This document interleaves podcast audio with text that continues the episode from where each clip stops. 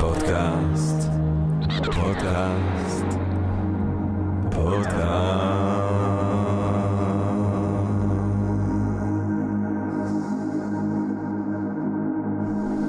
טוב, גבירותיי ורבותיי, ברוכות וברוכים הבאים לפודקאסט של Think and Ring Different, פודקאסט למי שאוהב לחשוב ולשתות. אני ג'רמי פוגל ואנחנו רוצים להתחיל עם רגע של הודיה לעצם היש, לעצם המציאות שמאפשרת לנו למרות הכל ובהינתן כל אלה להיפגש כאן למען הרחבת הדעת, העמקת התודעה, אה, סיפוק ואולי גירוי ואולי סיפוק של הסקרנות, אולי רגע של אה, השחאה, אולי רעיון נשגב ככה פתאום באמצע היום.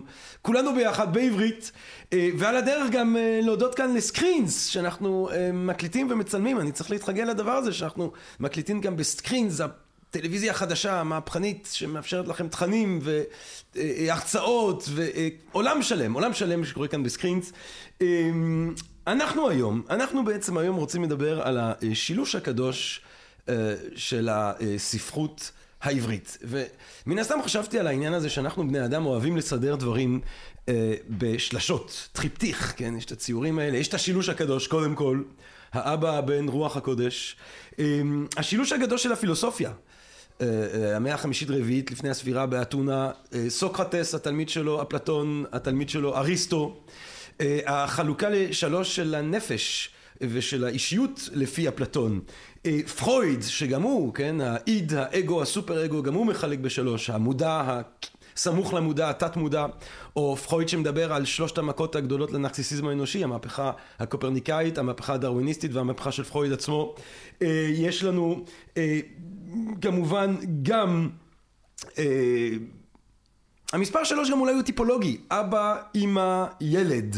זאת אומרת, יש איזשהו שלמות בשלוש. על כל פנים, אם אנחנו חושבים על הספרות המתחדשת כחלק מהנס של, ההתחדשות של התרבות העברית, אז אה, שלושת הענקים שמרבים כאילו לשים אותם ביחד בסוג של טריכוטומיה כזאת ספרותית, הם כמובן עמוס עוז, א' ב' יהושע ודוד גרוסמן. אז בעצם מה שאנחנו רוצים להבין כאן היום זה מה זה השילוש הקדוש הזה של הספרות העברית, למה הם בכלל שלוש, מה הם תורמו, מה השוני והדומי בין האנשים האלה, אה, וכדי אה, לזכות לתשובות לכל השאלות האלה לא היינו, לא היינו יכולים לקוות לאורח יותר מדויק, נשגב ומוכן למשימה מאשר דוקטור אבי גרפינקל, גבירותיי ורבותיי, אה, שהוא סופר, מבקר, עיתונאי, עורך, מתרגם, חוקר ומרצה לספרות, אה, כתב את הדוקטורט שלו על יעקב שבתאי, עוד אחד מהענקים, אה, בבר אילן, בין הספרים שלו אמונה עיוורת בזמור הביטן 2006, זבוב על הפסנתר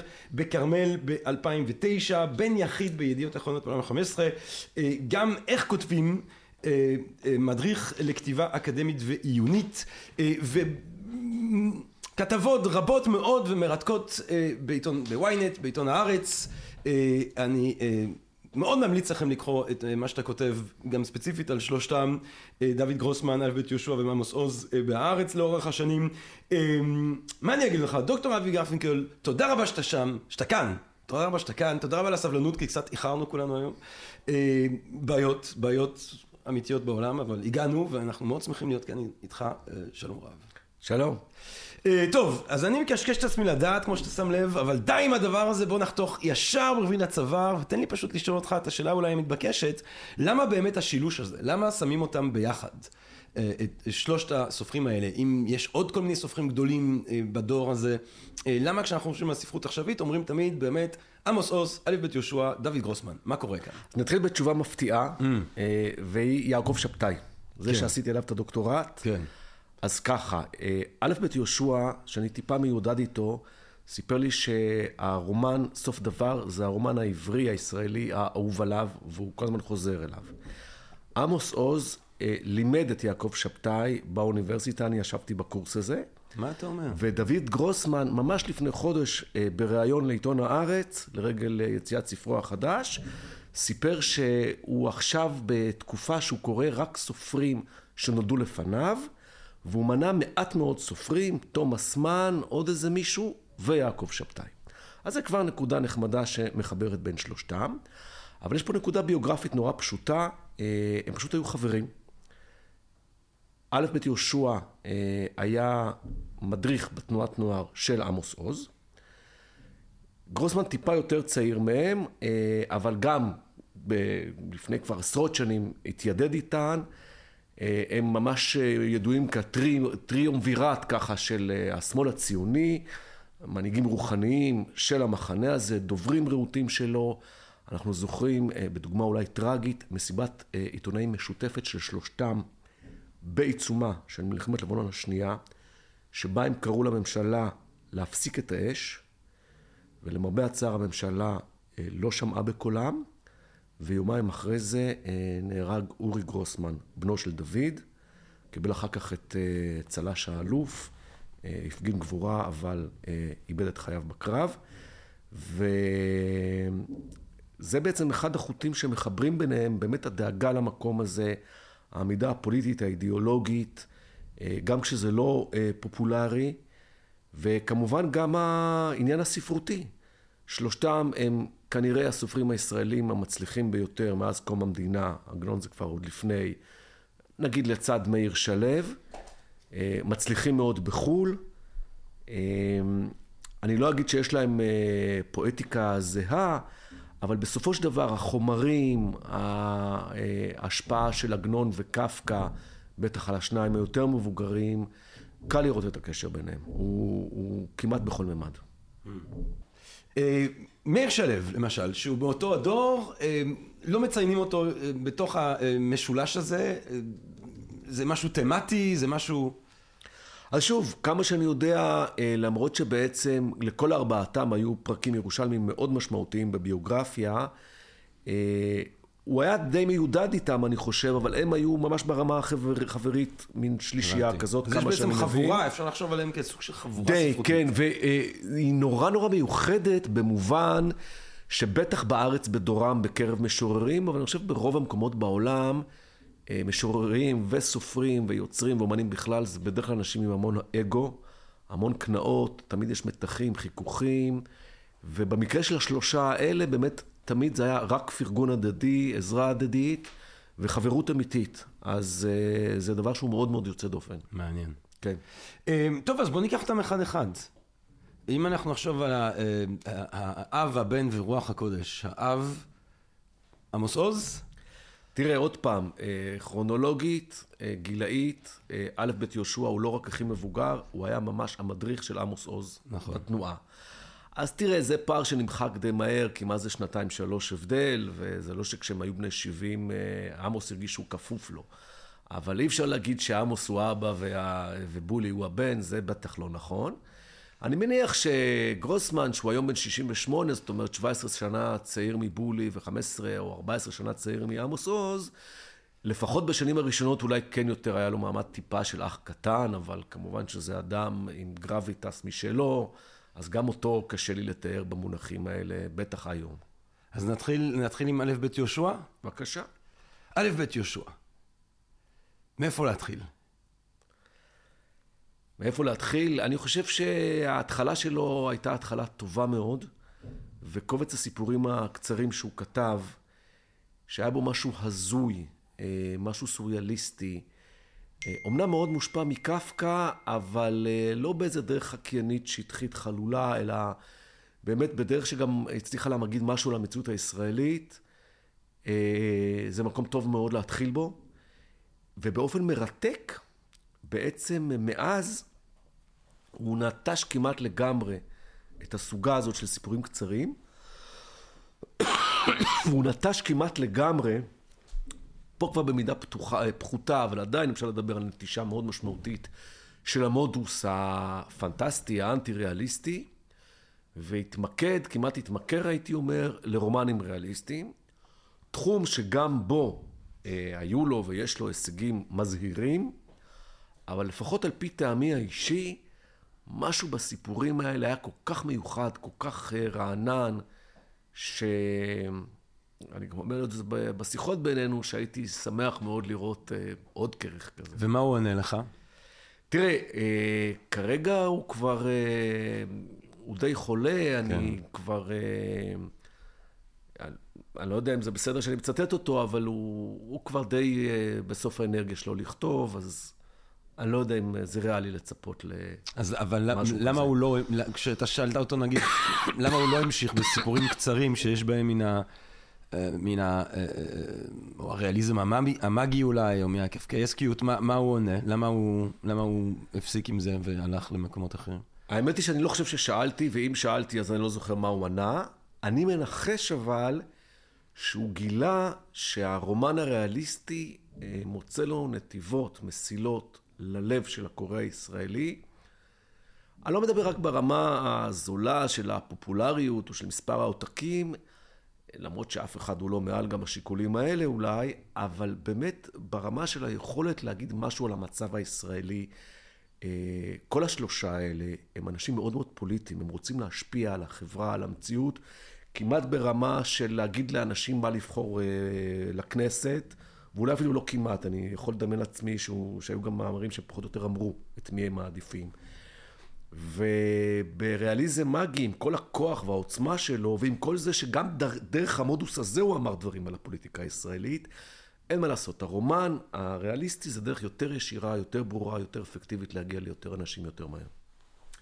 אה, תעזור לנו להבין איך בכתיבה הספרותית שלו הוא באמת אה, מתערב, או, או מנסה לעשות איזושהי התערבות פוליטית גם. תן לנו אולי דוגמאות באופן שבו הדבר הזה קורה ביצירה שלו. תראה, אני לא רוצה לרדד את זה. יש לו בעצם לכל השלושה כתיבה פוליטית, פובליציסטית ענפה, שבה הם באמת אומרים בצורה ברורה וישירה אה, מה הם חושבים שצריך לעשות ומה אסור לעשות, הרבה על הזהות היהודית, הרבה על הסכסוכים הפלסטינים, הזכרתי את מלחמת לבנון השנייה,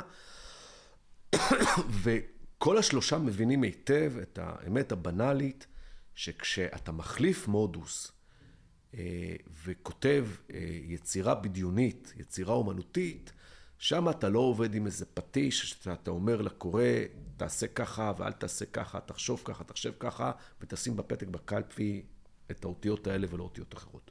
זה וולגרי, זה שטחי, כמובן שלא. אבל אה, מצד שני, ופה דווקא עכשיו פתאום אה, קופץ לי דווקא דוגמה מגרוסמן. כשהוא כותב את סיפור הילדים, איתמר פוגש ארנב, זה בעצם איתמר פוגש ערבי. הרי על מה הספר? ילד שפוחד מהארנבים, למרות שמעולם לא פגש ארנב, אה, עושה להם אה, איזושהי דמוניזציה, בטוח שהם מפלצות, ואז כשנוצרת איזו סיטואציה שהוא בפועל פוגש ארנב, הוא אומר, רגע, אתה בעצם בכלל לא מפחיד? אתה בעצם לא כל כך שונה ממני? גם לך יש פחדים.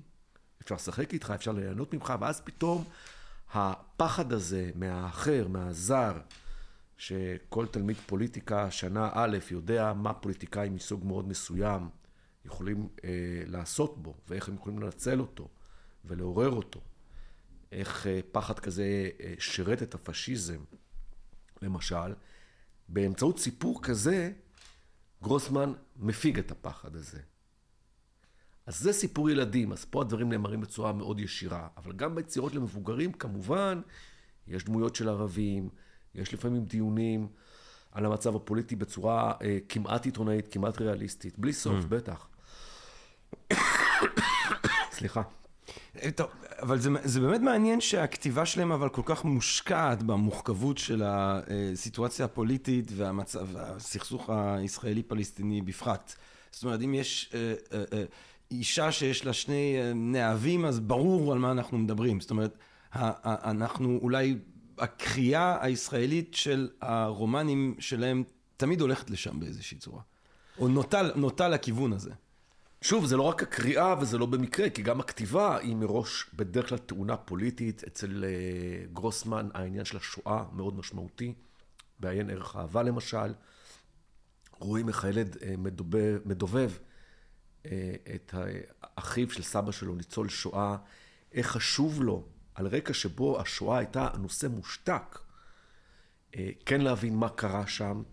לא רק השואה הייתה נושא מושתק, כל הגלות, עוד לפני השואה, העיירה היהודית, זה בדיוק מה שהצבר ניסה להתנתק ממנו, למרוד בו, אה, להגדיר את עצמו כהפך ממנו. Hmm. כביכול, אבותינו בעיירה היו נשיים, אה, חלשים, חיוורים, אה, לא אנשי מעשה, לא ידעו להחזיק נשק, לא ידעו להחזיק טוריה וכולי וכולי, אפילו טפילים, אפילו יש אימוץ של כמעט אה, מוטיבים אנטישמיים שהתגלגלו לאוטו-אנטישמיות שהציונים די נטו להם. וגרוסמן, וזה היה המרד שלו, אומר לא. לאנשים האלה, לחברה הזאת, לתרבות הזאת, היה ערך, יש ערך, חשוב לשמר אותו. אה, במובן מסוים, אה, זה כבר אני אומר במילים שלי, אם אנחנו אה, מאמצים את השלילה הזאת של הגולה, באיזשהו מקום, להבדיל, אנחנו מהדהדים בעצם את מה שהיטלר עשה, שמחק את התרבות הזאת, אז מה, אנחנו נמשיך את המחיקה פה? Hmm. אם, ואם אנחנו חושבים באמת ספציפית אבל, אז אולי נחזור לצד היותר פובליציסטי, אה, וגם בסדרה של מאמרים אה, שאתה ניתחת אה, במאמר שלך בהארץ, אבל גם זכיתי לשמוע את א' ב' יהושע בהרצאה, וזה היה נורא מעניין, כי באמת אפשר לראות שהאיש מתמודד עם מה שכולנו יום אחד עלולים להתמודד איתו, סוג הדברים, כן, איך אמר דיוגונוס מסינופה, כל הצרות מוצאות את מקלטן בזקנה. אמ, ואז אז יש לך תחושה ש, ש, שאתה שומע מישהו שמדבר דוגרי, כי הוא כבר הוא רואה את, ה, את, ה, את הסוף, אז הוא, הוא כבר זורק את הדברים בלי שום... אמ, אם הייתה אי פעם התייחסות לדברים כמו תקינות פוליטית, זה הדבר הזה נעלם.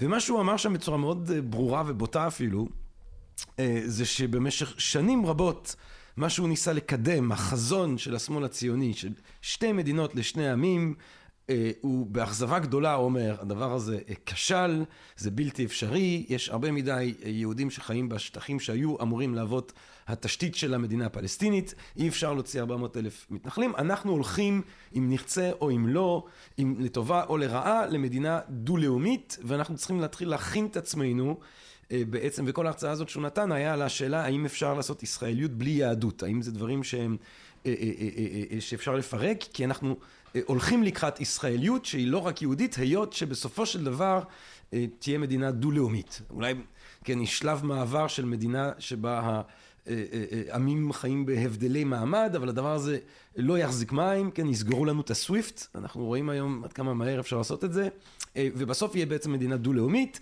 וצריך להכין, ובגדול מה שהוא אמר, זה כבר לא הבעיה שלי, זה הבעיה שלכם, ושיהיה לכם בהצלחה. דבר איתי על המעבר הזה. כן, האיש לעת זקנה בעצם מסתכל אחורה על המפעל הפוליטי שלו, אה, הבולט ביותר, א' ב' יהושע, לנסות להביא לפתרון שתי מדינות, מבין שזה כשל ומסתכל קדימה בעין די פסימית אה, למה שהוא חושב שתכלס הולך לקרות, אה, מדינה דו-לאומית.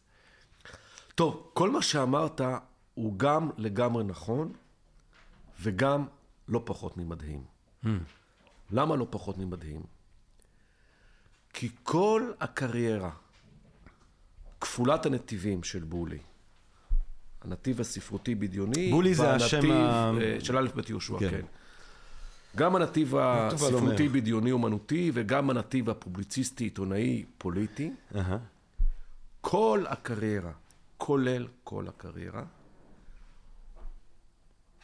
הוקדשו לניסיון לבסס את הטענה שחוסר הגבולות, למשל בינינו לבין הפלסטינאים, הוא מקור הבעיה, הוא הבעיה הכי גדולה שלנו. ולכן פניית הפרסה שהוא עשה היא פשוט עוצרת נשימה. זה לא אדם ששינה את עמדתו ב-30 מעלות או ב-100 מעלות, זה 180 מעלות. עוד פעם, מה שהוא הגדיר כבעיה הגדולה ביותר, עכשיו הוא מציג כפתרון.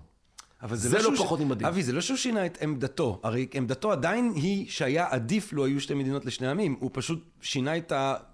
את ה... את ההבנה שלו את המציאות, הוא פשוט אומר, זה כבר לא מציאותי לצערי. טוב, אז פה יש טעות לוגית.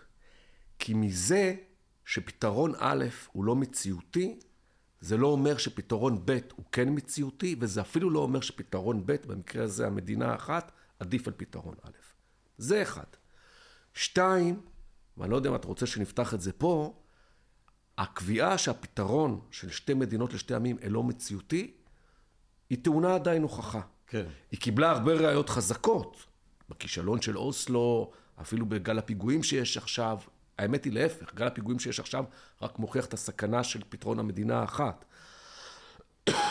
אבל בסופו של דבר, הטענה הזאת של האי הפיכות, שאנחנו שמענו אותה ממרון בן בניסטי כבר בשנת 81 נדמה לי, הופרכה. הרי מה בן, מרון בן בניסטי אמר? אף ממשלה ישראלית לא תרצה, לא תסכים לפנות את ההתנחלויות. הסכמנו באוסלו לפנות אותם, פינינו אותם בפועל מעזה, אבל לא קרה שום דבר. כל הבעיה, 90 אחוז מהבעיה, אני הרי מפשט פה, שהפלסטינאים עדיין לא מוכנים לוותר על שיבה המונית. בעיה קשה. חלילה, מאוד יכול להיות שהיא באמת לא תיפתר לעולם. אבל אני רוצה להאמין ולקוות, ש, אה, וזה כבר קרוב, שאחרוני הנכדים והנינים של מי שגורשו, הם בעצמם כבר ימותו. יקום דור פלסטיני שיבוא ויגיד לעצמו, בוא נוותר על העניין הזה. אבל על כל פנים, ואז יהיה שלום. לא ניכנס באמת לדיון סביב השאלה הזאת, אני לא יודע אם אני מסכים עם חלק מהדברים, אבל א' ב' יהושע מגיע למסקנה הזאת, לעת זקנה, וזה דווקא מעניין אבל העמדה הזאת עכשיו שלו, האכזבה הזאת איפשהו. אבל שוב, תראה, האמת היא שגם אני הרי לא בטוח במה שאמרתי, ואני גם מכיר את כל כן. טיעוני הנגד למה שאמרתי, ובהחלט יכול להיות שפתרון שתי המדינות לשני העמים הוא לא אפשרי. כן. והוא בוודאות לא אפשרי בחמש, עשר שנים הקרובות, לפחות, אם לא כפול מזה. אין ויכוח.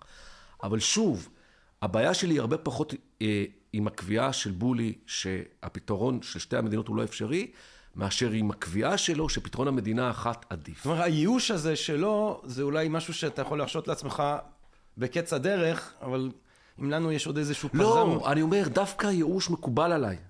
כי אני מכיר את כל הטיעונים נגד השבבי אופטימיות שניסיתי פה למכור לך וגם לעצמי, בהצלחה מאוד חלקית. הייאוש זה בסדר, אבל עוד פעם, מזה שאחד ועוד אחד לא שווה שלוש, נגיד ששלוש זה פתרון שתי המדינות, לא נגזר שאחד ועוד אחד שווה מיליון. עכשיו, למה אמרתי דווקא שלוש ומיליון? כי אם שלוש זה שתי מדינות של שתי עמים, אז נכון שזה לא שתיים, אבל זה הרבה יותר קרוב לשתיים, שזה נגיד הגאולה, או לשלום, מאשר המיליון של המדינה האחת. למה? כי מה זה מדינה אחת? ראינו מה זה מדינה אחת בבוסניה, ראינו מה זה ברואנדה, אנחנו רואים את זה עכשיו בסוריה, כן. בתימן. לא, בגלל זה זה מה שאנחנו בגלל זה הוא רוצים. אומר ככה עם חיוך קטן, שיהיה לכם בהצלחה. בסדר. אחריי אוקיי. המבול אולי. אז אנחנו אבל עדיין עכשיו עומדים באמצע הגשם, וצריך לפחות להחזיק את המטריות. אמ, לפני שאנחנו עוברים לעמוס עוז, בואו נדבר, אולי, המאהב זה אמ, המפורסם ביותר אולי מה, מהספרים? המאהב, הייתי אומר שגם אה, מר מאני. אה, בוא ו- תבחר אחד מהם וככה אה, תמכור לנו אותו.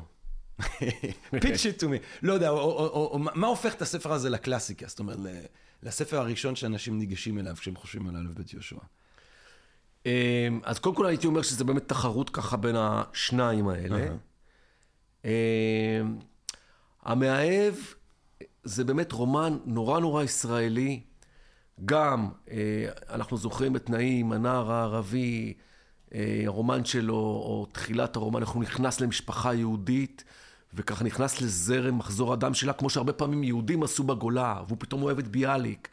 ופתאום, אה, תוך החזקת עלילה עם מתח, וכמובן סיפור של בגידה במשפחה וכולי וכולי, ואפילו, אתה יודע מה, תיאורים של איך מוסך עובד, כן? אני מתענג אפילו גם מזה. אה, פתאום נרקמת באמת איזו עלילה שהיא גם מותחת, גם קצבית, וגם כזה באמת נוגעת בכל הפצעים של הישראליות, ובכל הנושאים של הזהות הישראלית. ובמר מאני, שזה חמישה דורות אחורה, זה גם צורה נורא מעניינת, וגם פתאום אתה רואה לאורך מאות שנה איך כל הדרמה והטרגדיה והקונפליקט הזה שנקרא הזהות היהודית, כל פעם משתבר דרך מציאות היסטורית וחברתית שונה לגמרי. ואיך מוטיבים שנדמה לנו שכבר נפטרנו מהם שווים וחוזרים בדורות יותר מאוחרים, אבל פתאום עם איזשהו טוויסט. וזו תחושה של, אה, אני אדם חילוני, אבל תחושה של גורל. של איזה כוחות שמושכים בהיסטוריה, איזה חוטים סמויים שקושרים אותך בלי שאתה יודע למה, אתה לא מבין למה אתה לא מצליח לזוז, או למה אתה זז, או יותר נכון מוזז כל פעם לאותם מקומות, ואותם מקומות הרבה פעמים לא טובים, ופתאום אתה אומר לעצמך, אתה קורא את הספר הזה, אה, זה משם. עמוס עוז. עמוס עוז, עמוס עוז. שאולי באמת סוג של אמ, הפרדיגמה של הסופר הישראלי. אה, יפה הבלורית, גם סתם יפה, חתיך. נכון. צעיר, מסתובב עם הכוכבות אה, של הוליווד בשנות ה-70. אמ, מה, מה הופך את עמוס עוז אולי להסופר הישראלי? קודם כל, אני לא יודע עד כמה היית רציני או אמרת בצחוק, אין לי ספק שהיופי הפיזי שלו שיחק שם תפקיד. כן. לא, זה אף פעם לא מזיק. זה אף פעם לא מזיק, מי כמוך יודע, כמובן, אה, אבל... אבי, אה, אבי, אבי, אבי. כן, שובב. זה כמו שאומרים ביידיש, אבל אתה יודע, עדיף להיות, עדיף, עדיף, עדיף להיות עשיר ובריא. לגמרי, לגמרי עדיף. אמ, אני כמובן לא נוטל גרם מהכתיבה הבאמת אדירה שלו אה, בעיניי, ולא רק בעיניי, לפחות שניים אה, מהספרים שהוא כתב ניצבים פשוט בפסגת הספרות העברית, שזה מיכאל שלי וסיפור על, על אהבה וחושך. סיפור על אהבה וחושך, אפשר לו להסתובב גם עם אה, כוכבות הוליוודיות של שנות האלפיים, עכשוויות לגמרי, אחת מהן כמובן, נטלי פורטמן גם עשתה בימה סרט שבו היא כיכבה על פי סיפור אהבה וחושך, אז אה, העניין הזה בוודאי נוכח. והיכולת שלו לדבר מתוך הפצע האישי שלו, הרי אימא שלו התאבדה כשהוא היה בן 12. כן. ולקשור את הכאבים הכי אישיים בכאבים הכי כלליים ולאומיים. היא לדעתי מה שהקנה לו את המקום שלו, כמובן, אה, בנוסף לכישרון הכתיבה, השפה הנועה, השירה, הפיוטית היפה, אה, הם שהקנו לו את חיי הנצח, הספרותיים לפחות. אתה, אתה, אתה, אתה חושב שבאמת העניין הזה של ההתאבדות של האם, שמאוד נוכח ככה בדמות של מיכאל שלי, אה, ומן הסתם נמצא בכתיבה יותר אוטוביוגרפית של סיפור של אהבה וחושך, זה בעצם מה שהוא כתב כל חייו באיזשהו אופן? ממש לא. בהרבה ספרים אחרים אה, אין, אין לזה כמעט זכר, או אפילו אולי בכלל לא בחלק מהמקרים. אה, מיכאל שלי, במידה רבה, הדיכאון של הדוברת, חנה גונן, ששם לא נגמר בהתאבדות, אה, כן משקף דברים שהוא מן הסתם ראה בבית. כן. אה, בעיקר הייתי אומר, ופה הוא ממשיך דרכם של סרוונטס ושל פלובר, של דון קישוט, מדאם בוברי. הפער הנורא הזה בין הציפיות אה, למציאות האפורית, בין החלומות הרומנטיים במקרה של אה, מדאם בוברי, רומנטיים במובן של גברים נשים, רומנטיים במובן של אבירים של דון קישוט. בעצם כל אחד מאיתנו הוא קצת דון קישוט, קצת מדאם בוברי, בטוח שהוא יהיה מאהב גדול, שהוא יזכה באיזה soulmate מטורף, אהבה נצחית וכולי. וגם במישור האישי... ושום דבר מזה לא קורה אף פעם. אצלי קרה לפחות 80 אה, אחוז, אני חייב להגיד בצנעה. באיזה קטע? כן. גם הרומנטי, במיוחד המיני, אבל גם אה, בענייני של עלילות גבורה. תשמע, הייתי בלבנון, נלחמתי, עניינים, אז אתה יודע, מה אתה אומר? קצת. וואו, אבי, אתה, איש נשוי? אתה איש נשוי? אני לא יכול לפרט דבר כזה פה לצופות, אם אני אגיד את האמת פה, יישברו לבבות. מה זאת אומרת? אתה עכשיו, אתה עכשיו חי עם אהבת חייך? בוודאי. מה אתה אומר? כן, כן. איזה יופי. Mm-hmm. אמ, אבל בוא לא נדבר עליו. כן, בוא לא, לא, לא, נדבר על בני תמותה רגילים. אתה זורק כאלה דברים, אתה זרקת פה... בוא נדבר על בני תמותה רגילים, כן, לגמרי. רובכם לא מגיעים לזה. נכון, בוא נגיד את נכון, האמת. צודק. ואצל, אני כמובן צוחק בכל מה שאמרתי, על עצמי לפחות, אה, אבל נדבר רגע שנייה ברצינות. אצל מדאם בוברי ואצל דון קישוט, הטרגדיה היא הפער, כמו שאמרנו, בין הציפיות למציאות. האפרורית, הבנאלית, השגרתית, וכולי וכולי. אצל הגיבורים של עמוס עוז, אצל הגיבורות של עמוס עוז, כמו דרך אגב אצל הגיבורים והגיבורות של צ'כוב שכל כך השפיע עליו, הפער הוא לא, או הטרגדיה היא לא הפער בין הציפיות למציאות האפורה, אלא המודעות לפער הזה. הם לא כמו אה, מדאם מוברי שמשלה את עצמה, או, או דון קישוט שחי בפנטזיה, הן מודעות היטב לקטנות, לקרטנות, לפרוביציאליות, לאפוריות של החיים שלהם, ולפער בין, בין זה לבין מה שהם רצו להיות, חשבו שהם יוכלו להיות, ול, ולזה שהם לא מצליחות לפרוץ, ושהם כנראה גם לא יצליחו לפרוץ את הגדר הזאת שמפרידה בין החיים הקטנים שלהם לחיים הגדולים שהם חלמו עליהם. אה, מה עם הספר הזה שבעצם, זאת אומרת, אני לא חושב שזה הספר הראשון שלו, מיכאל שלי, אבל זה הספר שמכונן אותו אולי כגדול... זה הרומן הראשון והספר השני. כן. אה, אה, שגם הראשון במקרה שלו היה סיפורים קצרים, ואגב, הסבר נוסף ללמה שניהם במידה רבה ירדו מהז'אנר הזה, עמוס עוז בשנותיו האחרונות כן חזר לזה בקטנה, אבל גם הוא בדרך כלל כתב רומנים. זה פשוט ז'אנר שבשנים האחרונות, בוודאי בישראל, אבל לדעתי גם בעולם, הרבה פחות מצליח מרומנים. Hmm. למה זה? וזה כבר נכון לא רק לגבי עמוס עוז ואלף בית יהושע. אתה תופס קובץ של סיפורים קצרים, כל סיפור זה הרי עולם אחר, דמויות אחרות, סיטואציה ראשונית אחרת וכולי. אתה כל פעם צריך לצאת ולהיכנס, לצאת, וזה דורש איזשהו מאמץ. דרך אגב, לדעתי זאת אחת הסיבות לזה שהיום סדרות הטלוויזיה מצליחות הרבה יותר מסרטי הקולנוע.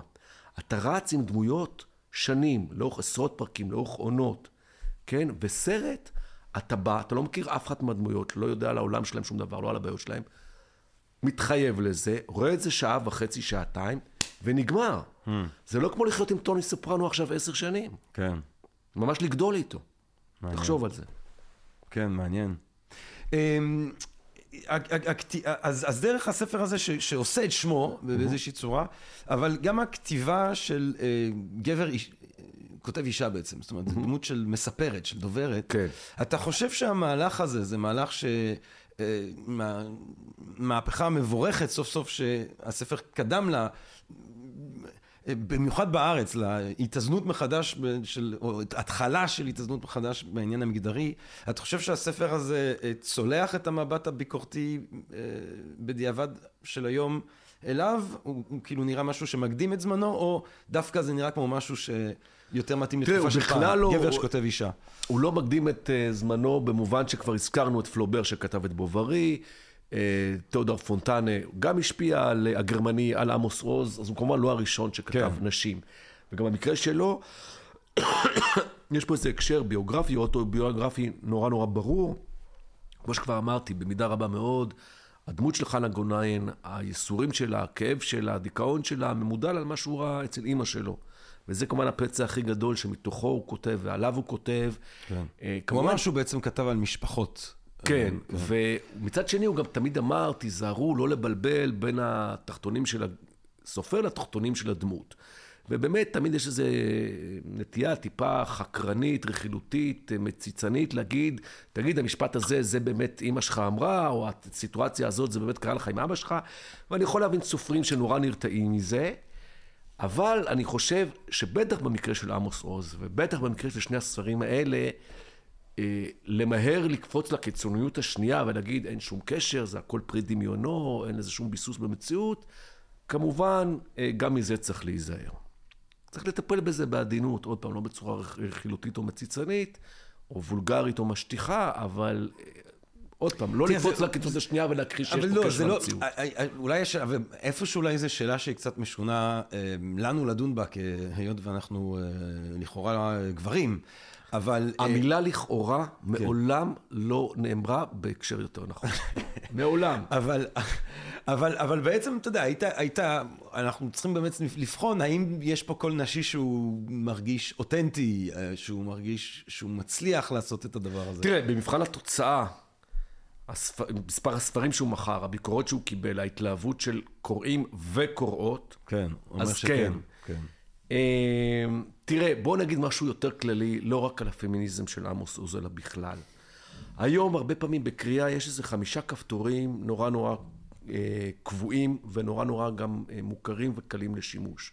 לכפתור אחד קוראים פמיניזם, לכפתור אחר קוראים פוסט, אה, קולוניאליזם, לכפתור שלישי קוראים אה, תיאוריות ביקורתיות, אה, או יחס למהגרים, או יחס למיעוטים וכולי וכולי.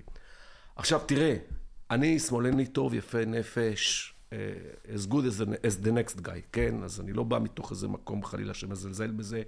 יש לי המון כבוד לכל הכותבים האלה, מפרנס פנון וצפונה, דרך פוקו ואלטוזר ובארט, וכמובן אני נגד גזענות ונגד אה, אה, הצגה מחפיצה או מבזה של מיעוטים, או נגד תת ייצוג ובעד וכולי וכולי וכולי. מצד שני, הביקורות האלה נעשו כבר כל כך שגורות וכמעט מכניות ואוטומטיות, אה, שלא הייתי רוצה להכיל אותן, זה כמעט קל מדי להכיל אותן עכשיו על זה, ואולי זה מתחמק מצידי, אבל אולי לא. אה, It's not for me to do it. יש מספיק חוקרות אה, אקדמיות, אה, פמיניסטיות, שיכולות להציג את הנקודה הזאת טוב ממני. בסדר? אמ, אמרת רכילות, אני לא יודע אם לדבר על זה כאל רכילות, אני... אולי זה פשוט איפשהו התרגום גם של המורשת של עמוס עוז למציאות שבה אנחנו חיים, כן? עכשיו כולם רואים את הסדרה המדהימה הזאת על אנדי וורול, ועד כמה שהבן אדם הזה שעשה ריאליטי טבעי בשנות ה-80 ודיבר על ה-15 דקות אה, של אה, תהילה, או של פרסום, יותר נכון, שלכולנו יהיה היום. וגם אני חשבתי במובן הזה של אירוע כמו, אתה רואה את הכחיסה של כל מיני אירועים, גולדן גלובס, אוסקרים, שהשנה אולי מדברים עליו מהסיבות הלא בדיוק נכונות, אבל אה, זה אירועים שפעם היו נורא נחשקים, כי אתה מקבל הצצה לחייו של הכוכב, והיום אתה, אתה לא יכול שלא לראות אותם כל הזמן. כן, האינסטגרם, הפייסבוק, הרשתות החברתיות, הכל. אה, אז אולי כחלק מהדבר הזה, גם המורשת של עמוס עוז, מן הסתם בימים אלה, היא בסוג של... פולמוס סביב העניין המשפחתי, הבת אה, שטוענת שהוא היה אה, אבא מתעלל, האח והאחות אה, שטוענים שבעצם יש פה איזשהו סוג של שכתוב של ההיסטוריה שנובע מתוך אולי משבר נפשי כלשהו של הבת, יש איזו דרמה משפחתית כזאת, שגם מתנהלת בצורה מעניינת דרך ספרים, כי יש את הספר של, של הבת גליה, יש את הספר, סוג של ספר תגובה של הבן דניאל. אתה חושב שהסיפור הזה בעצם, הוא, הוא, הוא, מה הוא עושה למורשת הספרותית של, של עמוס עוז? משהו, אם בכלל, אולי זה סתם יהיה עוד איזשהו סוג של הערת שוליים לחוקרי הספרות של בעוד 200 שנה, או יש לזה משקל כביר באיזשהו אופן? תראה, כמובן קטונתי מלנבא מה יקרה בעוד 200 כן. שנה, אבל הרי אפילו, מצד אחד, אפילו גליה אמרה שהיא לא רוצה שיגעו במורשת הספרותית שלו. ושלא מפריע לה שימשיכו לקרוא את הספרים שלו ולהריץ אותם ולנתח אותם ולכתוב עליהם. והיא עצמה עושה את ההפרדה. מצד שני, דווקא בגלל שעמוס עוז לא היה איזה מין סופר טהור, כמו נגיד אה, יהושע קנז, שהוא רק כתב את הספרים שלו, מעולם לא התראיין, לא כתב טורי דעה בעיתון. עמוס עוז היה גם עמוס עוז במרכאות, הוא היה גם דמות, נציג של שבט, אה, ארץ ישראל היפה, במרכאות, לא במרכאות, נעזוב את זה, דיברנו על היופי הפיזי שלו. היה גם איזה, באמת איזה אנרגיה אירוטית סביב הדמות שלו, לא רק סביב המילים שהוא כתב. והעילה הזאת, האאורה הזאת, בהגדרה נפגעה. ובמקרה של עמוס עוז, אפילו יותר מאשר אצל אחרים, לא רק יותר מאשר יהושע קנז, גם יותר מאשר א' בית יהושע ודוד גרוסמן, ויותר מאשר כל אחד אחר, בוודאי ישראלי, אבל לדעתי גם ברמה עולמית זה נדיר, אי אפשר להפריד בין עמוס עוז האיש, הגבר היפה, האישיות, המורה הרוחני, אה, המגדלור המוסרי אפילו, שגם נאה דורש ונאה מקיים, לבין עמוס עוז הסופר. ולכן, משעה שנפגעה הדמות המיתית, ההילתית, האישיותית, במקרה המסוים שלו, בהכרח גם משהו מהעניין הספרותי חייב להיפגע. אולי לא בצדק, אבל זה מה שיקרה. מעניין. כן. טוב, גם מוקדם עוד לומר לאיזה צד שה... אתה אומר, לא משנה, זאת אומרת, זה קצת כמו אמריקה של קפקא, שיש שלב שהוא אומר, טוב, אין לכם אינטרס לבדוק את האמת. זאת אומרת, עצם זה שההאשמה הזאת הוטחה בו, אם היא... אה, זאת אומרת, אם... זה נורא טרגי, אבל אם צד אחד צודק או צד שני לא צודק, זה לא משנה. כאן ידידי, טעית. Mm. ולמה טעית? בזה שהזכרת את קפקא. ולא הרבה אנשים, או לא מספיק אנשים שמו לב לזה. בוויכוח בין גליה, עוז לשאר בני משפחתה, אין ויכוח על האמת העובדתית. עמוס עוז בעצמו, פניה עוז, נילי עוז ודניאל עוז מאשרים את כל הפרטים העובדתיים כן. שגליה טוענת שעמוס עשה לה. אחד כן. לאחד, בלי להסתייג, אפילו מאות. כן. כולל שהם היו עדים לזה בעצמם. של... לכן אני אומר שהשאלה פה, בניגוד למה שהיה אצל קפקא כן. ובאמריקה, כן. היא לא מהי האמת, אלא מהי הפרשנות מה של האמת. מה המשקל של אירוע כזה. מה המשקל או מה המשמעות, כן. והאם צריך להביא אה, כנגד אירועים טובים שכן היו, אה, והאם זה מצדיק את מה שגליה עשתה וכולי וכולי. ופה אני כמובן לא הסמכות לקבוע אה, או לומר אה, מי צודק ומי טועה, אבל חשוב להדגיש שפה אין ויכוח לא על האמת ולא על העובדות. אני חושב שיש אולי כן ויכוח על עוצמת האירועים, בכל זאת. לא, לא על זה שפעם אחת הוא הוציא אותה מהבית, או שהוא שפך קפה קר, או דברים כאלה. אבל יש קצת, על, על אם הוא היה... אתה משתמש במילה עוצמה, אני... אה, טרור מתמיד כזה וכולי, אני משתמש במילה אה, הפרשנות של האירועים, אה, או המשמעות שניתנת כן. להם, או התגובה שנחשבת לסבירה או לא סבירה לאירועים האלה, כולל אם צריך או לא צריך היה לסלוח. אבל עוד פעם, על האירועים עצמם, אין, אין, אין, אין מחלוקת. כן. ואתה אומר שיש בהם כדי להשאיר איזשהו סוג של כתם. אנחנו יודעים בעובדה... מוקדם לומר. לא, זה לא מוקדם לומר. אנחנו יודעים שלפחות, שיש המון המון אנשים שמבחינתם הוא מחוק. עכשיו, האם זה בצדק או לא בצדק, יחליט כל אחד מעצמו. אבל די בזה שיש כל כך הרבה אנשים שמבחינתם כן. הוא מחוק, שבגלל שכמו שהסברתי מקודם, זה דמות שהלחימה לתוכה גם את הספרותי, אבל גם את האישי, אנושי, סמלי, מוסרי, שמבחינת המון המון אנשים, משהו בו נפגע. כן. זאת כבר עובדה. כן, כרגע. הדברים האלה יכולים להשתנות ולהתפתח, ובוא נחכה ונהיה. אנחנו עוד באמצע של, ה... אנחנו עוד תראה, באמצע של הפרשה. אתה, בגלל שאתה אדם יותר גדול ממני, חושב 200 שנה קדימה. כן, אני חושב 200 שנה קדימה. אז יפה, זה גדול עליי. אבל האנשים... אפילו 20 שנה קדימה. גם זה גדול עליי. אבל האנשים שבטוחים שגליה צודקת בפרשנות, כן. הם כבר לא ישנו את דעתם. אה, נחכה ונראה. גם, דרך אגב, כמו גם האנשים שחושבים שגליה טועה. כן. זה מסוג הוויכוחים, כמו 95% מהוויכוחים, שאנשים לא משנים בהם את דעתם.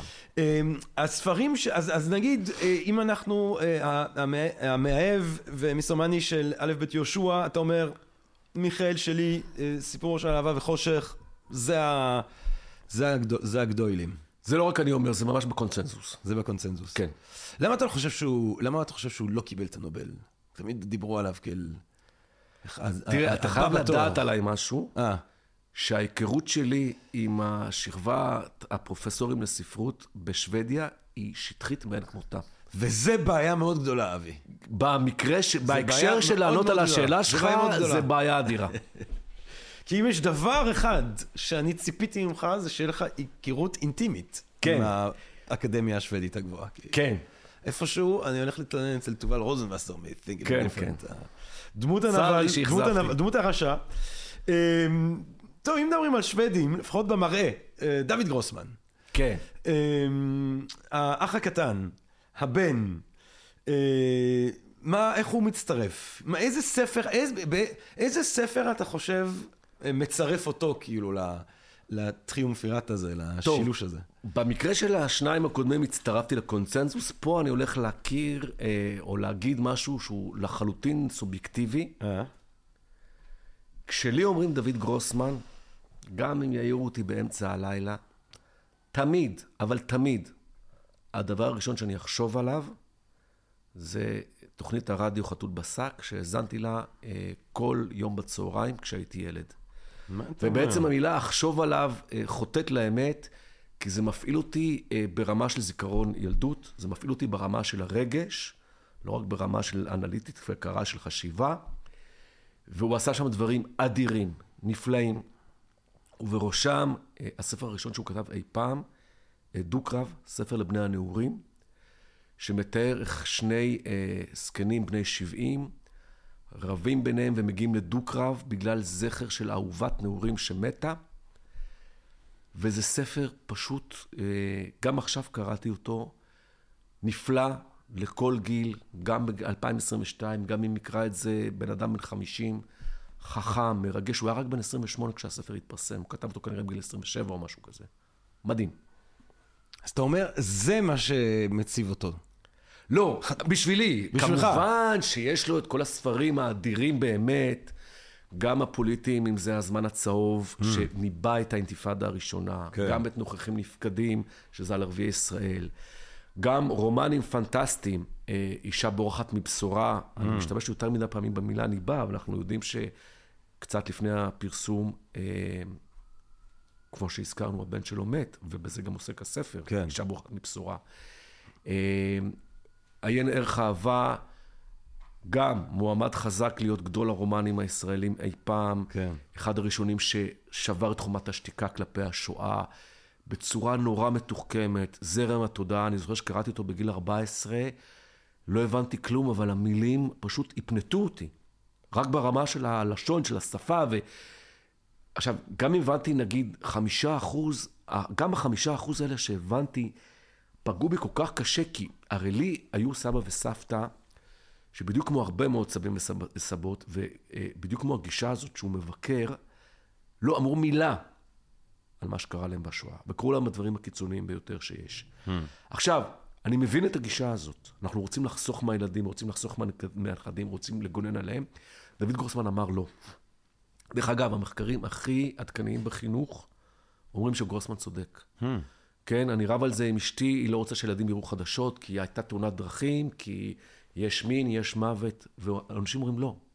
מין ומוות ואלימות ותאונות וטרגדיות וכאב, זה בשר מבשרם בעצם עצמם של קחו החיים. את הילדים שלכם, גבירותיי ורבותיי, אל תסתירו. לדבר איתם על השואה עכשיו. כן, לפחות בדרך מסוימת. עכשיו, אני אומר לך, זה דבר שהוכח במחקרים אקדמיים כן. בתחום החינוך. לא, אני- אצלי, אני אה, גם... אה, הגישה זה- אני ההולנדית, שמעתי, אני כן. דווקא חקרתי מאז שאני ילד, אז אני אשריך. גדלתי על סיפורי שואה. אוקיי. לא יודע אם מוקדם לומר אם זה היה לטובה. אוקיי. אה, כן. זהו, כי מצחיק, כי אני חייב להגיד שמצד שני, כל כמה שציטטתי עכשיו את המחקרים האלה, במידה רבה אני אסיר תודה לסבא וסבתא ש... תראו, אני מניח שגם גרוסמן לא יגיד, קח ילד בן שלוש ותתחיל להראות לו את כל הזוועות אחד לאחד. אבל גם שתיקה מוחלטת, ספר זה לא תמיד רעיון טוב. כן. כן. אה, מישהו ל- ל- לרוץ איתו. מה עם זה? לא יודע, לא קראתי. מה זאת אומרת? לא קראתי. מצטער המורה, לא עשיתי שיעורי בית. אוקיי. אה, יש עוד, האמת היא, יש ספר שאני מדחיק עכשיו, כי אני פעם חיזרתי בצורה די נואשת, כשהייתי צעיר ומשוגע. אה, אחרי מישהי, והיא אמרה לי שאני חייב לקרוא את הספר הזה, ואז לקרוא את המכתב שהיא כתבה. ואני כמו טמבל אשכרה קראתי את כל הספר, וזה היה הרומן הראשון שקראתי בעברית. והמכתב היה כאילו בסוף לא... טוב, אז אני אגיד את מקווה האמת. שנהנית אוקיי, מהספר. אז אני אגיד את האמת. אני לא- ואני לא זוכר איזה ספר זה עכשיו. טוב, שנייה, אני אה, צריך לבדוק. איזה ספר זה? אה, יואו, איך אני מדחיק את זה? נו, תגיד את האמת. האמת היא שכן קצת קראתי, ולא אהבת. והיה שם איזה חוט דק אה, של קיץ' שהיה ככה משוך בין הפסקאות, ויכול להיות שאני איזשהו קורבן של גבריות רעילה ותפיסה ישראלית מצ'ואיסטית מיליטריסטית.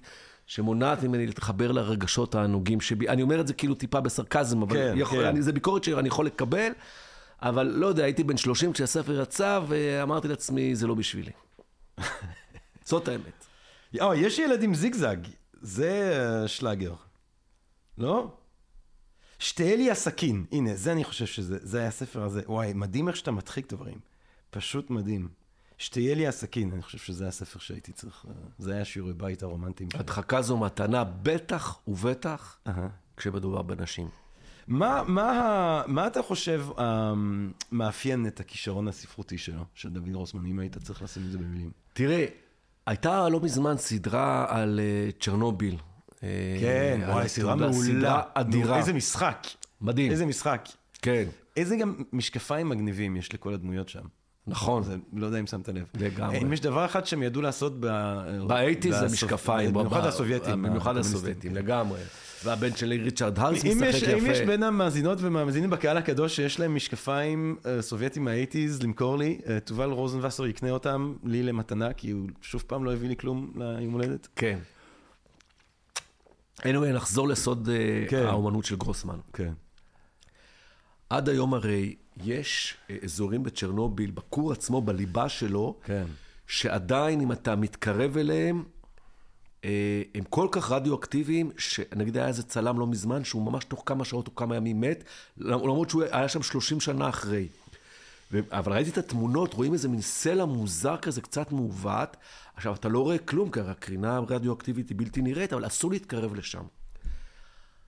אולי עכשיו לי עצמי יצא דימוי קצת קיצ'י, אבל אה, גרוסמן לא מפחד לגשת לסלע ההוא, אה, הנגוע בצ'רנוביל, ולהתקרב אליו ולגעת בו, והיכולת שלו לשהות עם עצמו באזורים הכי כואבים, הכי רדיואקטיביים של הנפש האנושית, לפעמים גם חוויית הקריאה היא קשה בגלל זה, אבל אה, אני, אני נורא לא אוהב את הקלישאה שאומרת איזה ספר אמיץ, או איזה ספר מטר, כאילו, מה זה אמיץ? אמיץ זה חייל, מה, אתה ישבת, כתבת, איזה אומץ. אבל אני באמת חושב שבמקרה של גרוסמן יש איזה אומץ ללכת לאזורים שהרבה אנשים פשוט רוצים להדחיק, כמו שאמרת, או לא להתמודד איתם, וללכת באופן חזיתי, head on. וכל הכבוד לו על זה. טוב, אני אשים אותך עכשיו בכיסא הלוהט, אמ, אבי גירפינקל. אמ, מי מהם הסופר הכי טוב? אתה יודע מה, אבל, אבל אני אפרט לך את זה. מי אוקיי. מהם כותב הכי טוב? אמרת מקודם שקראת את א' ב' יהושע, והוא כותב שם על אה, מוסך. אה, אולי, ואתה מתענג על זה? זאת אומרת, זה בעיניי, אתה מבין? אוקיי, אז אני אגיד לך פשוט. כן. ברמת השפה, עמוס עוז, ברמת העלילה, א' ב' יהושע, ברמת הרגש, גרוסמן. זה דירוג קצת מצחיק, אנחנו לא פה בטבלה בכדורגל. לא, אבל אם אהבתי. ביקשת, אני נותן כן, לך. אהבתי, אהבתי. כן. אה, אבל אם אני צריך להמליץ, הייתי הולך ככה.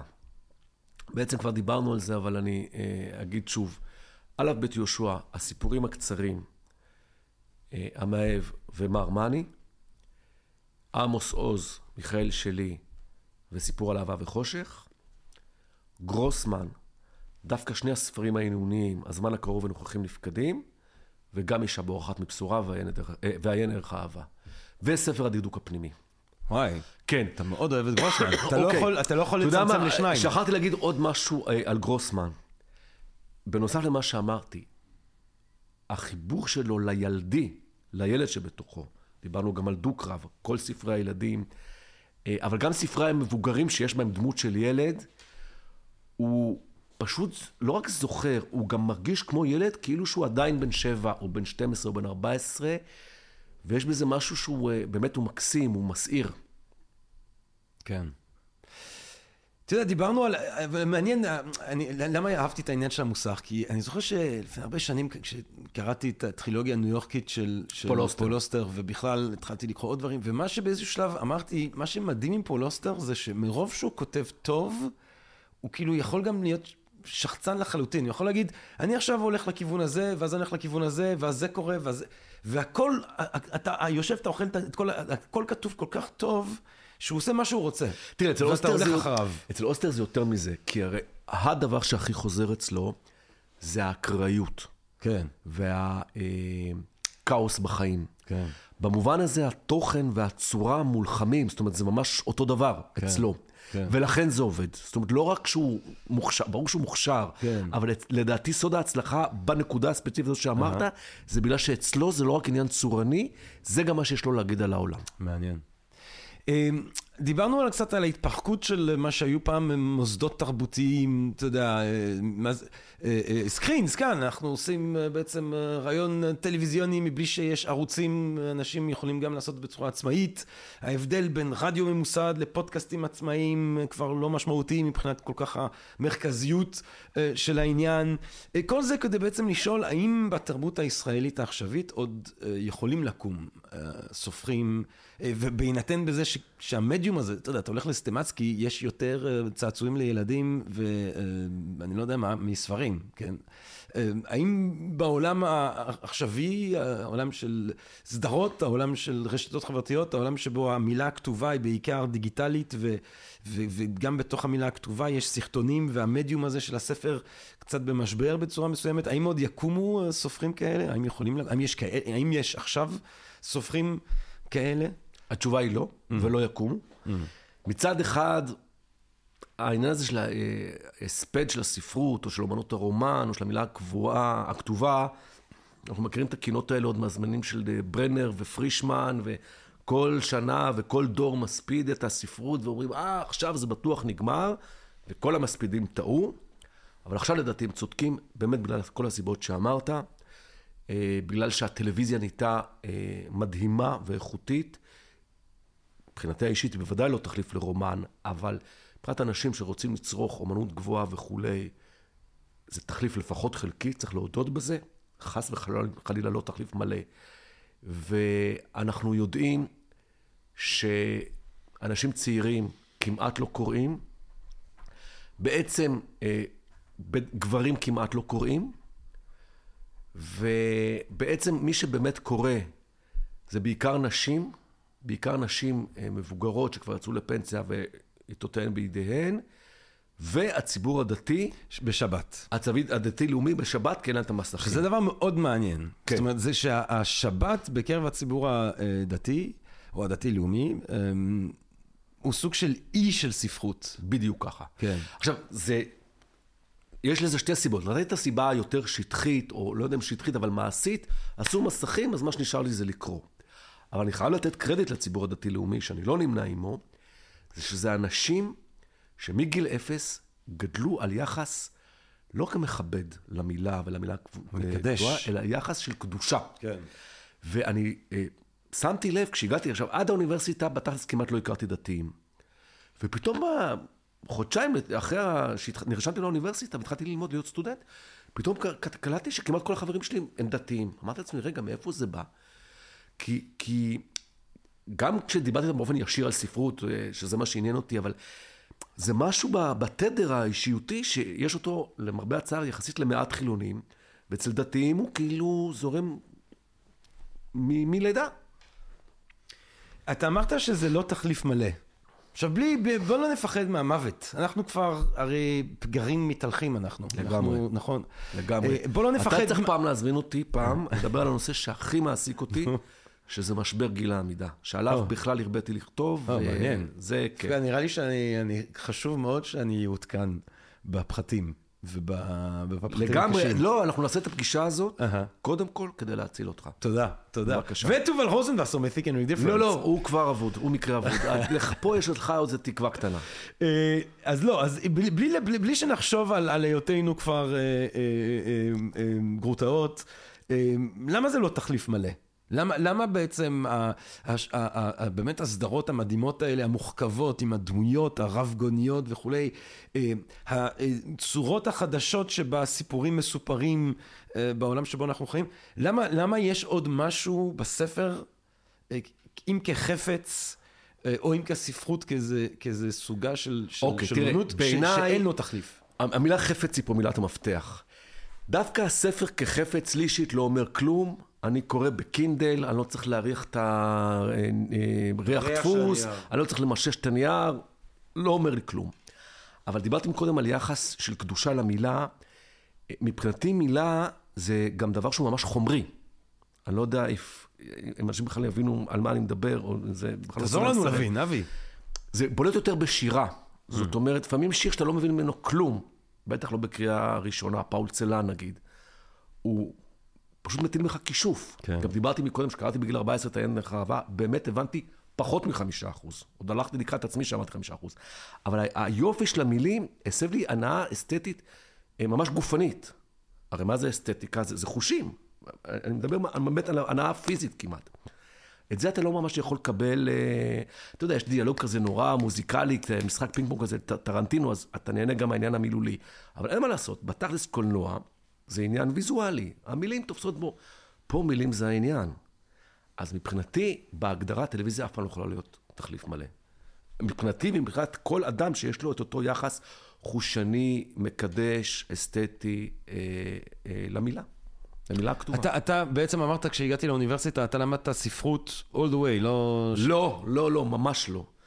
אני למדתי ספרות כזה בצד, כי ידעתי שקשה להתפרנס מזה, וליתר ביטחון למדתי משפטים, ולא סתם משפטים, אלא משפטים עם נפתלי בנט, מה, בכיתה? בכיתה. מה אתה אומר? כן. איך הוא היה נפתלי, נפתוש? נפתלי היה התלמיד הכי טוב בש... בשנתון, וואלה. בשנה א', אהה. שנה ב' כבר לא ראו אותו, הוא הקים את הסטארט-אפ שלו ורק בא למבחנים. אה, אבל אני כן יכול לספר לך שלפני כמה שנים, כשהוא עוד היה שר חינוך, נסעתי לי באופניים בפארק, ופתאום אני שומע צעקות, אבי, אבי. אני עוצר, פתאום אני רואה את נפתלי. אהלן, אבי, מה העניינים, מה פה, מה שם, מה זה? הוא הלך עם הבת שלו, גרם לה להבריז מבית ספר, הוא אמר, תשמע, אני שר חינוך, אין לי זמן לראות אותה. כל יום שישי אני לוקח אחד מהילדים שלי, עושה איתי אותו בפארק, שיהיה לי זמן איכות איתו. כל הכבוד. כן. ואז התחלנו לדבר על מכרה משותפת שלנו, שזאת הסופרת אה, דורית רביניאן. אה. ובדיוק אז יצא לי רומן, וגם לה יצא רומן את גדר חיה.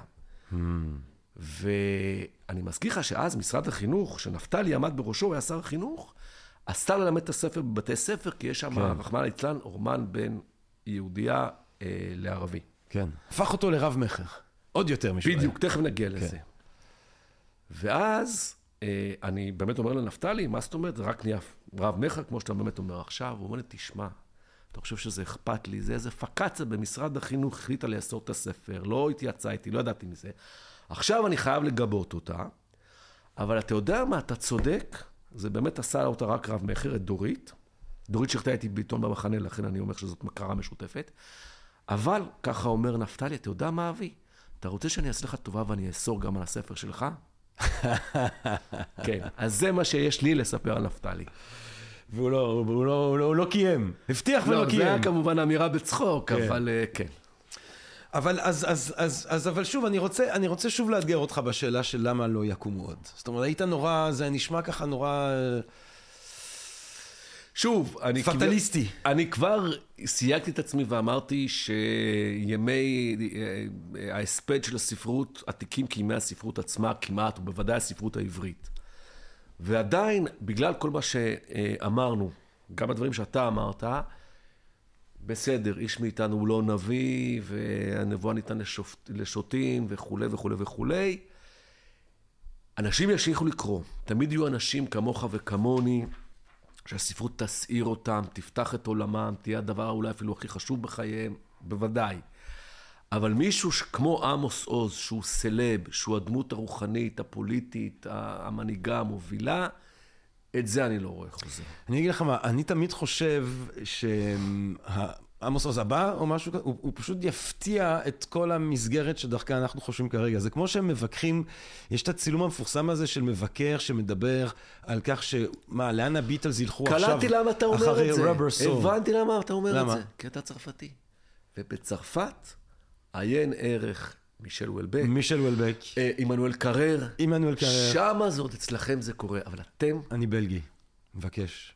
אני מבקש. אני קם אני והולך. מבקש שתיקח לא, את הדבר הזה נכון. חזרה ומיד. ויפה שעה אחת קודם. רק עכשיו אני מבין.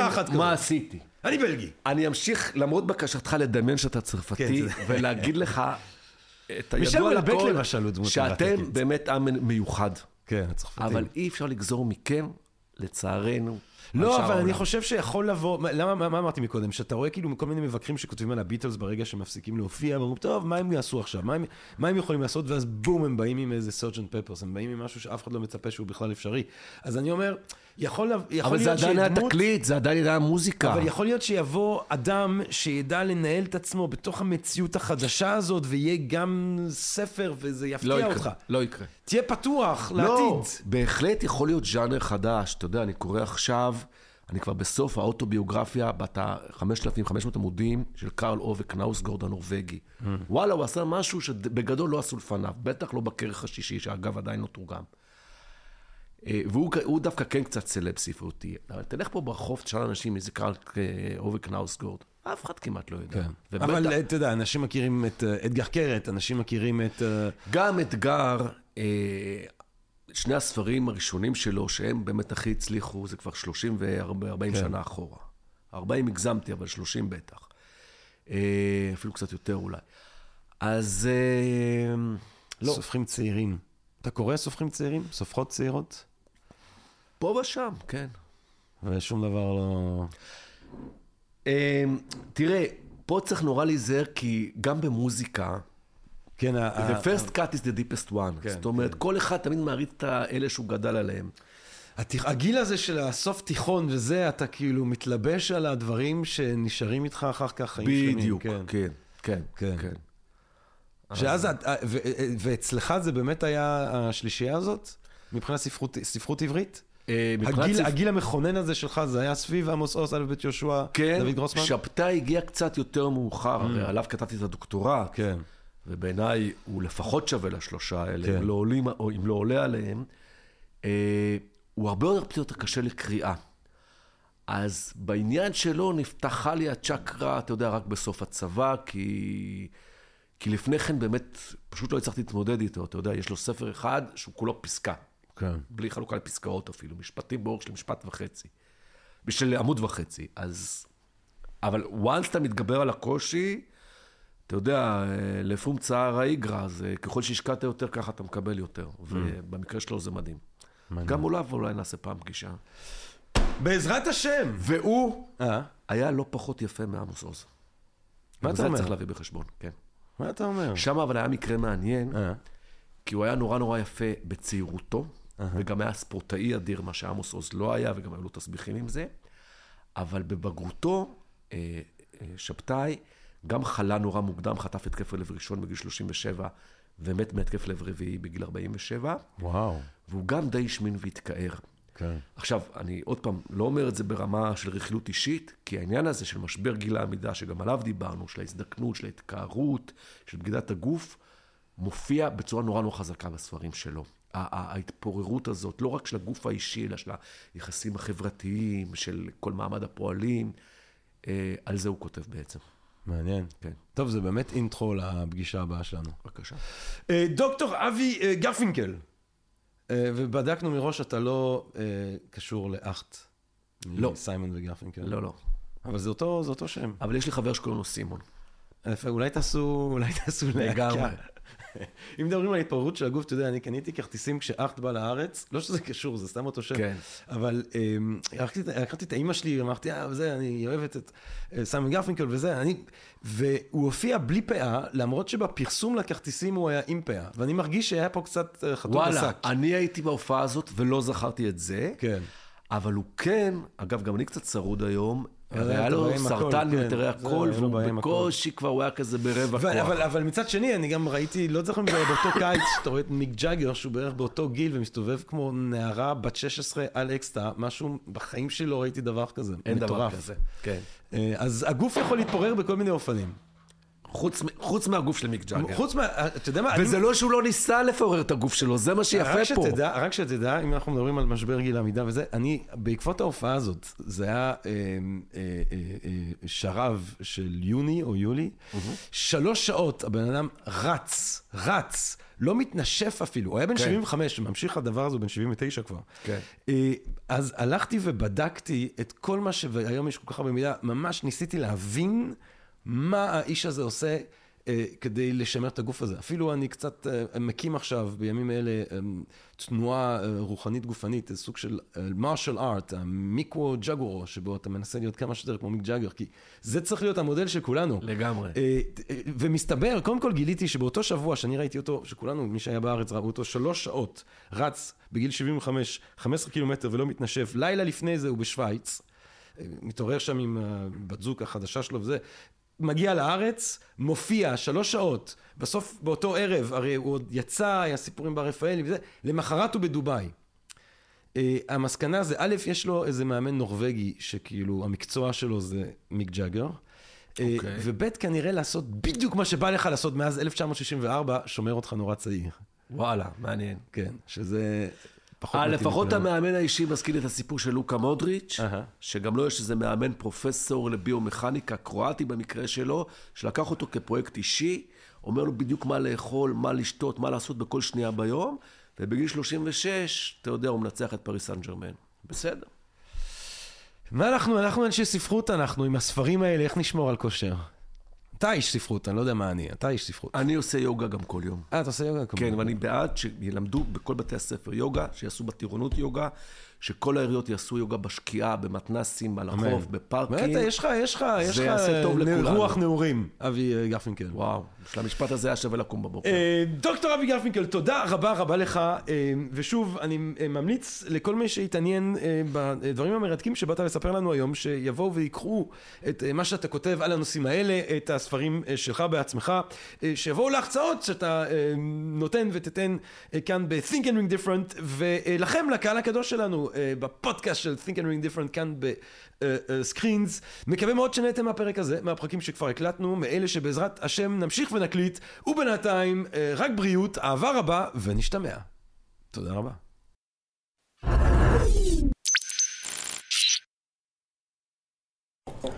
פודקאסט, פודקאסט.